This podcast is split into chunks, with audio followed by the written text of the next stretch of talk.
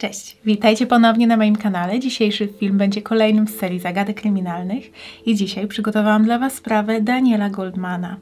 Zauważyłam, że ostatnio w mojej serii pojawiało się więcej spraw dotyczących kobiet, dlatego chciałam przywrócić równowagę. Chcę utrzymywać ją zarówno jeśli chodzi o osoby, o których mówię, jak i o rodzaje spraw, czyli te rozwiązane, nierozwiązane, true crime i paranormalne. Dlatego jeśli chcielibyście poznać szczegóły historii Daniela, to zapraszam Was do oglądania. Wszystko zaczęło się w 1966 roku na Florydzie w Stanach Zjednoczonych. Daniel Goldman miał wtedy 17 lat i mieszkał wraz z rodzicami, Sally i Aaronem w bloku numer 1100 przy 88 ulicy w mieście Surfside w hrabstwie Dade. Aktualnie nazywa się ono Miami Dade. Chłopak był jedynakiem, a jego rodzina była zamożna. Sally pracowała jako projektantka wnętrz, a Aaron był odnoszącym sukcesy biznesmenem. Dani był wyczekiwanym dzieckiem swoich rodziców. Długo starali się o potomstwo i w końcu się udało. Niestety, ciąża i poród nie przebiegły bez problemów i stresu. Syn był wcześniakiem, jego życie i zdrowie było zagrożone, ale ostatecznie wszystko dobrze się skończyło. Zdaniem bliskich i znajomych Daniela, mimo że dorastał on na bardzo uprzywilejowanej pozycji i był rozpieszczany przez swoich rodziców, to wyrósł na skromnego i pomocnego chłopaka. Można także było zauważyć, że był nieśmiały i potrzebował sporo czasu, żeby poczuć się pewnie w nowym gronie osób, ale gdy już to nastąpiło, to był wyjątkowo dowcipny i przyjacielski. W 1966 roku był uczniem ostatniej klasy dobrego liceum w Miami Beach i osiągał przeciętne wyniki w nauce. Dorabiał sobie naprawiając telewizory i sprzęty elektroniczne. Pasjonowały go wszelkie nowinki i w przyszłości planował założyć własną firmę. Nie chciał jednak iść w ślady ojca i przejmować biznesu po Aronie. Zależało mu na tym, żeby wyznaczyć własną ścieżkę. 29 marca 1966 chłopak miał obchodzić 18 urodziny, ale niestety, zanim miał szansę świętować w gronie rodzinnym, wydarzyło się coś, co odwróciło jego świat do góry nogami.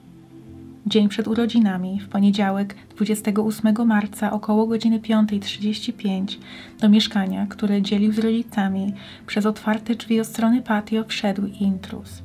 Mężczyzna był uzbrojony, miał przy sobie broń palną. Zaskoczył śpiących jeszcze rodziców. Zażądał od Arona i Sali 10 tysięcy dolarów w gotówce.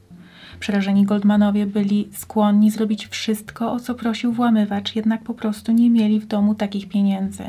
Powiedzieli jednak, że mogą wypisać mu czek. Taka forma nie była zadowalająca dla intruza, ponieważ mógł zostać schwytany przez policję, gdy będzie chciał spieniężyć ten czek lub czek mógł zostać anulowany. Mężczyzna wtedy związał Sali i Arona i upewnił się, że przez pewien czas nie będą mogli się wyswobodzić, wkładając nożyczki i nóż za ten węzeł, tak żeby się skaleczyli, gdy będą próbowali wyszarpać ręce. Następnie zakleił im usta taśmą i wyszedł z sypialni. Było słychać, że przez pewien czas przeszukuje mieszkanie, najprawdopodobniej w poszukiwaniu pieniędzy, a następnie poszedł do pokoju Daniela. Rodzice byli bezsilni, mogli jedynie czekać i nasłuchiwać, co robi intruz. Nastolatka nie obudziły wcześniejsze dźwięki dochodzące z sypialni rodziców i ze snu wyrwał go głos łamywacza. Trzymając chłopaka na muszce, mężczyzna zażądał, żeby ten wstał, ubrał się i zaczął kierować w stronę wyjścia z mieszkania. Zanim wyszli, nieznajomy powiedział rodzicom, że jeśli nie zapłacą okupu, to siedemnastolatek straci życie. Kwota wynosiła teraz 25 tysięcy dolarów, ale jeśli Goldmanowi nie zapłaciliby jej przez 24 godziny, czyli do 6 rano następnego dnia, to miała zostać podwojona. Porywacz zapowiedział też, że skontaktuje się z nimi w sprawie kolejnych wskazówek i miejsca przekazania gotówki. Po opuszczeniu budynku, Daniel, cały czas trzymany na muszce, został pokierowany w stronę swojego własnego samochodu, białego Ramblera. Porywacz nie zakleił ust Daniemu i gdy tylko znaleźli się na ulicy, nastolatek zaczął krzyczeć, co zwróciło uwagę sąsiadów. Większość z nich zdążyła jednak tylko wyjrzeć przez okno i widzieli odjeżdżający biały samochód. Gdy zniknął za zakrętem, jeden z sąsiadów pobiegł do mieszkania Goldmanów i tam zastał Sali i Arona związanych na ziemi. Pomógł im się uwolnić i małżeństwo powiedziało, co dokładnie się wydarzyło i na miejsce została wezwana policja. Na podstawie ich zeznań udało się także stworzyć portret pamięciowy włamywacza. Był to mężczyzna w średnim wieku, mniej więcej po pięćdziesiątce, który miał 1,75 m wzrostu i ważył około 90 kg. Miał na sobie mało charakterystyczny, ciemny strój, jednak nosił okulary i miał na sobie także czapkę z daszkiem. Zwrócili też uwagę na to, że mówił z lekkim akcentem, który nie był charakterystyczny dla mieszkańców Florydy, a bardziej mieszkańców południowo-zachodniej części Stanów Zjednoczonych. Podczas rozmowy z policją Sally Aaron przypomnieli sobie jeszcze jeden szczegół, który mógł być bardzo istotny w sprawie. Gdy intruz zaczął z nimi rozmawiać, zwrócił się do nich po imieniu. Nie było to więc przypadkowe włamanie i skorzystanie z okazji, jaką było zostawienie otwartych drzwi. Akcja musiała więc zostać wcześniej zaplanowana i napastnik poświęcił czas, żeby poznać rodzinę, którą obrał za cel, albo był to ktoś, z kim wcześniej mieli już kontakt. Szczególną uwagę zwracał też sposób, w jaki włamywacz obchodził się z Goldmanami. Wydawało się, jakby nie chciał ich za bardzo skrzywdzić, a bardziej nastraszyć.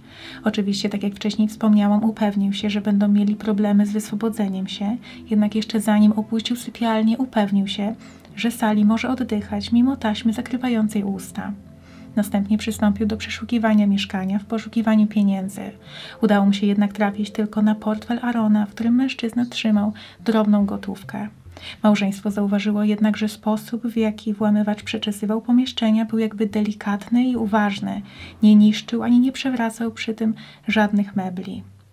Aaron powiedział, że niestety nie udało mu się przyjrzeć temu mężczyźnie, ponieważ w mieszkaniu było ciemno, jednak wspomniał również, że miał cały czas nieodparte wrażenie, że jest to ktoś, kogo już kiedyś spotkał. Policja powiedziała, że ich zdaniem Goldmanowie padli ofiarą włamania ze względu na swoją sytuację finansową. Niedługo po rozpoczęciu akcji poszukiwawczej namierzono samochód Daniela porzucony na parkingu przy Holding Avenue.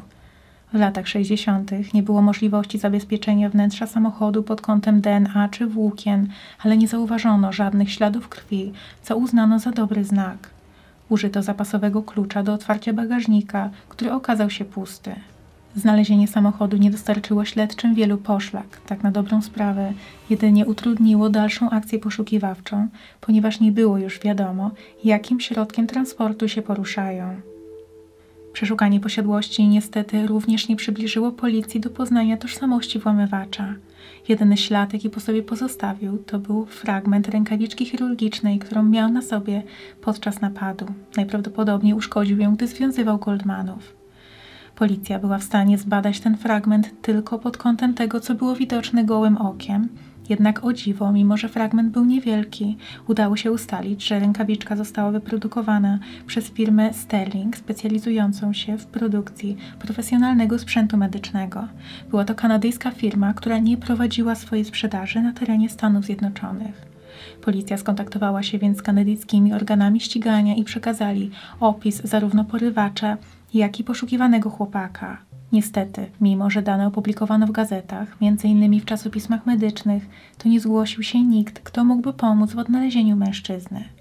Rękawiczka była sporą poszlaką w sprawie. Mogła oznaczać, że Daniel został wywieziony za granicę, co znacznie utrudniłoby działania policji.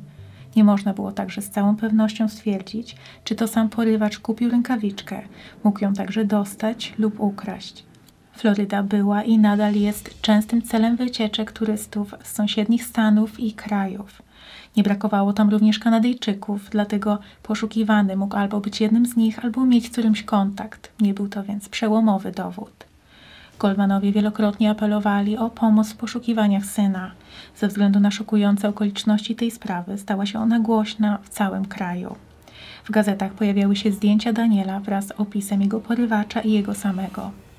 Dani miał 1,80 m wzrostu, ważył około 75 kg, miał brązowe włosy i oczy, a w dniu zaginięcia miał na sobie jasnobrązową kurtkę wiatrówkę, zielone sztruksowe spodnie oraz złoty pierścionek z wygrowarowanymi inicjałami DG na trzecim palcu lewej dłoni. Jego cechami szczególnymi była blizna po szczepieniu na lewym ramieniu, blizna w kształcie księżyca na prawej kostce oraz blizna w dolnej części pleców. W miarę rozwoju dochodzenia policji udało się ustalić możliwe powody, dla których ktoś chciałby skrzywdzić Arona Goldmana. Choć samemu mężczyźnie nie udało się wskazać żadnych osób, które byłyby jego wrogami i chciałyby mu zaszkodzić, to jednak okazało się, że Aaron był zamieszany w pewną aferę w tygodnie i miesiące poprzedzające porwanie jego syna. Aaron był udziałowcem w banku Five Points National Bank i w 1966 roku na jaw wyszły nielegalne działania prowadzone przez zarząd tego banku. Sprawa trafiła do FBI i wszczęte zostało postępowanie. Podobno to właśnie Aaron Goldman zgłosił te potencjalnie nielegalne interesy. Pierwsze aresztowania zostały dokonane zaledwie cztery dni przed porwaniem Daniela, dlatego nie jest bezpodstawne sądzić, że te dwie sprawy są ze sobą powiązane. Trop wydawał się bardzo obiecujący. Możliwe, że współpracownicy mężczyzny chcieli się na nim zemścić. Niestety nie doprowadziło to do zatrzymań podejrzanych, ponieważ były to jedynie domysły, niepoparte dowodami. Choć śledztwo w sprawie Daniela z biegiem lat ucichło i sprawa trafiła do archiwum X, wielu mieszkańców Surfside nie miała zamiaru o tym zapomnieć. Jedną z osób zaangażowanych w poszukiwanie prawdy jest Paul Nowak, z wykształcenia prawnik i najdłużej urzędujący burmistrz Surfside w historii tego miasta. Obejmował to stanowisko od 1992 do 2004 roku i w tym czasie jednym z podjętych przez niego działań było wznowienie śledztwa w sprawie Daniela Goldmana. W dzieciństwie Nowak mieszkał po sąsiedzku Goldmanów i choć w 1966 roku był mały, to i tak pamiętał, jak te wieści obiegły okolice i jak bardzo zszokowani byli lokalni mieszkańcy. Do tej pory sądzili, że mieszkają w bardzo spokojnej i bezpiecznej okolicy. Nowak miał także swoją własną teorię na temat tego, co mogło się wtedy stać. Jego zdaniem zamieszana była lokalna mafia. Jej szefem w tamtym czasie był Santo Traficante Junior, a jego kuzyn Joe Cacciatore był znanym policji przestępcą mającym na koncie wiele napaści, kradzieży i włamań. Nowak twierdził, że to właśnie Joe mógł stać za zaginięciem Daniela. Idealnie pasował do opisu porywacza sporządzonego na podstawie zeznań Sali i Arona oraz miał doświadczenia we włamaniach i napadach. Dodatkowo dziewczyna, z którą spotykał się Daniel, Sharon Lloyd była córką innego znanego przestępcy, Charlesa Lloyda, który był przyjacielem Joe. To właśnie w ten sposób porywacz mógł dowiedzieć się tak wiele na temat rodziny, poznać ich sytuację finansową, imiona oraz dowiedzieć się, że mogą być w posiadaniu sporej sumy gotówki. Ta informacja nie została potwierdzona, jednak w niektórych źródłach można znaleźć teorie mówiące o tym, że Goldmanowie planowali wysłać swojego syna za granicę, żeby nie musiał wstępować do wojska wraz z ukończeniem 18 roku życia. Nie trudno więc było wydedukować, że dzień przed tymi urodzinami mogli być w posiadaniu sporej sumy gotówki. To właśnie dlatego porywacz zażądał 10 tysięcy dolarów. Z tego co wiadomo, członkowie ówczesnej mafii i Joe nigdy nie zostali przesłuchani w tej sprawie. Z jednej strony można uznać, że to dlatego, że nie udało się znaleźć wystarczająco obciążających dowodów przeciwko nim, jednak zdaniem Pola Nowaka i jego zwolenników powodem była korupcja. Nie było tajemnicą, że niektórzy lokalni politycy byli w zmowie z przestępcami. To zjawisko to wyjątkowo poważny problem, zwłaszcza w rejonie Miami na Florydzie. Problem istnieje do dziś, ale był wyjątkowo widoczny w latach 60. i 70. Dwa lata po zaginięciu Daniela wielu przedstawicieli organów ścigania zostało nawet zatrzymanych właśnie za korupcję. Wśród nich były dwie osoby, które pracowały nad sprawą Goldmanów i byli w ich domu po porwaniu siedemnastolatka. Dwa lata później byli już oskarżeni o współpracę z mafią, co stawiało pod znakiem zapytania rzetelność ich pracy i mogło nawet oznaczać, że tuszowali dowody. Jedną z tych osób był David Hellman. Mężczyźnie zarzucano między innymi pomoc w organizacji włamania. Była to sprawa niepowiązana z Goldmanami, jednak okoliczności były łudząco podobne i wtedy włamywaczem był Joe Cacciatore. Helmanowi ostatecznie nie postawiono żadnych zarzutów, jednak wiele wskazuje na to, że mógł być winny, ponieważ gdy kilka lat później został powołany na świadka w sprawie innego skorumpowanego urzędnika, odmówił składania zeznań, powołując się na prawo do nieobciążania samego siebie. Podobno Sali i Aaronowi nigdy nie pokazano zdjęć Joe i nie zapytano, czy rozpoznają w nim porywacza swojego syna. Jednak z drugiej strony małżeństwo z pewnością zauważyłoby jego wizerunek w gazetach i jeśli to faktycznie był on, to pewnie by to zgłosili. Teraz i tak jest już za późno. Aaron zmarł w 2010 roku, a jego żona dwa lata później. Tak jak wspomniałam wcześniej, dziewczyna Daniela, Sharon Lloyd, była córką przestępcy. Wiadomo, że została przesłuchana w związku z tą sprawą i pozostawała w stałym kontakcie z policją, ale nie była w stanie podać informacji, które doprowadzą do rozwiązania. 20 lat po zaginięciu Daniela, czyli w 1986 roku, pewna kobieta w średnim wieku zaczęła zwierzać się w barze, że była partnerką zaginionego i wie, co się z nim stało. Jej zdaniem porwanie było prawdziwe i porywacze od początku planowali wypuścić chłopaka, gdy tylko otrzymają okup. W pewnym momencie jednak ten plan się posypał. Daniel rozpoznał jednego z nich i tym samym przypieczętował swój los, ponieważ nie mogli pozwolić na to, że powie o tym policji. Chłopak miał zostać wrzucony do Oceanu Atlantyckiego. Słuchający tej opowieści pracownik baru zawiadomił policję, jednak zanim funkcjonariusze dotarli na miejsce, kobieta już zniknęła. Skontaktowano się z prawdziwą partnerką Daniela, Sharon Lloyd, ale ona zaprzeczyła, jakoby miała być tą kobietą w barze. Nie oznacza to oczywiście, że te zeznania były całkowicie fałszywe. Ta kobieta mogła być na przykład dobrą znajomą Daniela, albo rzeczywiście się z nim spotykać i chłopak zdradzał Sharon. Do dzisiaj nie udało się ustalić tożsamości tajemniczej kobiety, ale jej zeznania są jedną z możliwych teorii w tej sprawie. To wydaje się być jedynym logicznym wytłumaczeniem, biorąc pod uwagę, że jeśli porywaczom chodziłoby o pieniądze, to na pewno skontaktowaliby się z rodzicami chłopaka. Warto w tym miejscu wspomnieć, że gdy wieści o zaginięciu rozeszły się po okolicy i dotarły do osób znających rodzinę, zaczęła się fala telefonów z kondolencjami i ofertami pomocy i wsparcia. To mogło niestety zablokować linie telefoniczne, ale jeśli sprawcy byliby zdeterminowani, to na pewno spróbowaliby dzwonić kilka razy. Wydarzenia z marca 1966 roku pozostają do dziś zagadką. Mimo, że od czasu zaginięcia chłopaka minęło 55 lat, to nie dokonano żadnych aresztowań. Choć pozornie ta sprawa wydaje się bardzo prosta, to moim zdaniem niesamowicie ciekawe jest także alternatywne rozwiązanie. Tak jak wspomniałam wcześniej, Goldmanom bardzo zależało na tym, żeby ich syn nie został zaciągnięty do wojska. Pojawiły się więc teorie, że mogli upozorować jego porwanie, żeby mógł uciec za granicę. Z tego co wiadomo, zaledwie rok przed ukończeniem przez Daniela 18 lat zmieniły się przepisy co do tego, kto musi wstąpić do wojska. Wcześniej każdy młody mężczyzna, który osiągnął pełnoletność, musiał się zarejestrować, ale nie musiał wstępować do wojska, o ile kontynuował naukę.